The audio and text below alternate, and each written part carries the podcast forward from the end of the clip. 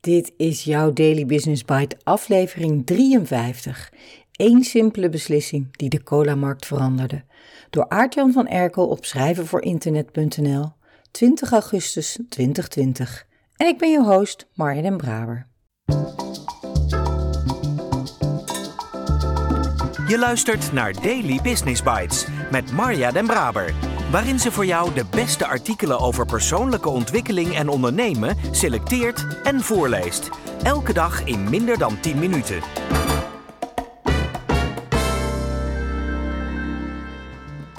Dit is de podcast waarin ik jou, en eerlijk gezegd ook mijzelf, enkele van de beste artikelen en blogs op gebied van ondernemen en persoonlijke ontwikkeling voorlees. Elke dag. Op gebied van ondernemen en persoonlijke ontwikkeling worden oneindig veel artikelen geschreven. En wellicht ontvang je zelf ook wel elke dag artikelen in jouw inbox. Dus dank dat jij de moeite neemt om naar deze podcast te luisteren, om te groeien en jezelf te ontwikkelen. Laten we snel beginnen. Lorenz en Mirko zijn Duitse studenten en ze hadden dorst. Daar besloten ze wat aan te doen. Ze klommen honderden keren in de telefoon en probeerden Duitse brouwerijen aan de lijn te krijgen. Niet omdat ze een nieuw bier wilden brouwen, nee, ze wilden een nieuwe cola brouwen. Het was 2003 en ze hadden geprobeerd om een nieuw cola-recept bij elkaar te googlen op internet. Daar was niet gelukt. Dus of de brouwerij ze wilde helpen om een colaatje te maken en voor ze in flesjes te stoppen, was hun vraag. Uiteindelijk was er één brouwer die zijn handen afveegde aan zijn witte schort en antwoordde: Nou, kom jongens, kom maar langs, dan gaan we het proberen. Een paar maanden later reden ze een bestelbus met daarin de eerste 4000 flesjes Frits Cola langs een aantal onafhankelijke kroegen in Hamburg om hun waar te slijten.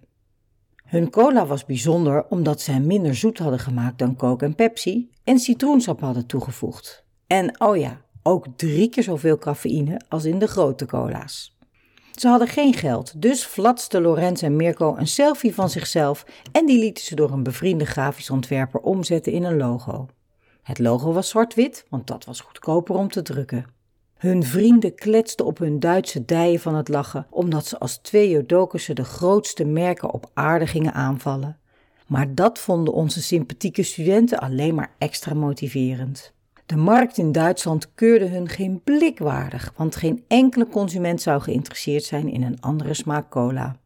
De twee hadden nog nooit cola gemaakt, dus ze dachten wel dat ze het konden. Ze hadden 7000 euro spaargeld. Dat stopten ze in hun bedrijf en ze gingen gewoon.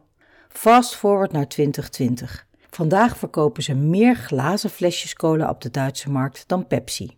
Frits Cola zet 71 miljoen glazen flesjes af per jaar en alleen Coca-Cola doet het iets beter, 74 miljoen. De grote jongens verkopen overigens ook nog een hoop plastic flessen en dat doet Frits niet.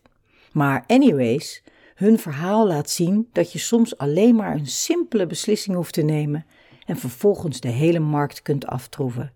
In jouw markt kan een simpele beslissing ook de hele wereld voor je veranderen. Je komt misschien nu weer terug van vakantie en kijk dan eens naar je e-mailmarketing. Wat houdt je eigenlijk tegen om te beslissen: ik ga iets compleets anders doen? Iets waardoor de hele markt me voor gek verklaart. Iets waardoor ik dus direct gigantisch opval. Neem het voor lief dat concurrenten met een hol geluid op hun schedel kloppen als ze jouw e-mails zien. Verras je klanten die al jaren de same old nieuwsbrieven krijgen van iedereen in jouw markt. En ga in plaats daarvan entertainen verhalen vertellen en mooie inzichten delen. In plaats van gorddroge informatie delen, je klanten in coma teachen of ze kapot spammen. Daily Business Bites met Marja Den Braber. Je luisterde naar één simpele beslissing die de cola-markt veranderde door Aartjan van Erkel. Al heel lang ontvang ik dagelijks zo'n entertainende mail van Aartjan. Altijd met mooie verhalen, grappige woordspelingen en inderdaad mooie inzichten, zoals in dit artikel. Ik zat in Bilbao met mijn lief in een hele leuke brouwerijbakkerij te nippen aan een speciaal bier, toen mijn oog op een flesje Frits Cola viel. En ik mij herinnerde dat daar een mooi ondernemersverhaal achter zat. Ik herinnerde mij dit omdat ik ooit dus bovenstaande blog als mail heb gelezen. Ooit als in bijna twee jaar geleden, dus in 2020.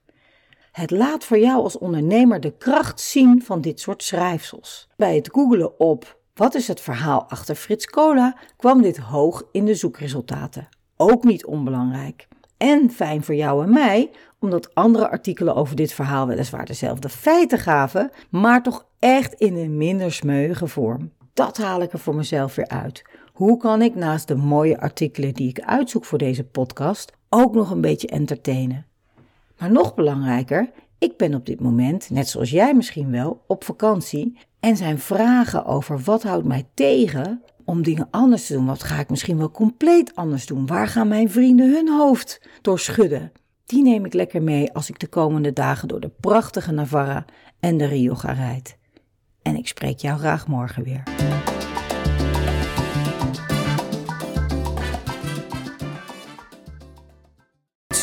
Wil je vaker voorgelezen worden? Abonneer je dan op de podcast in je favoriete podcast-app. Meer weten? Klik op de links in de show notes.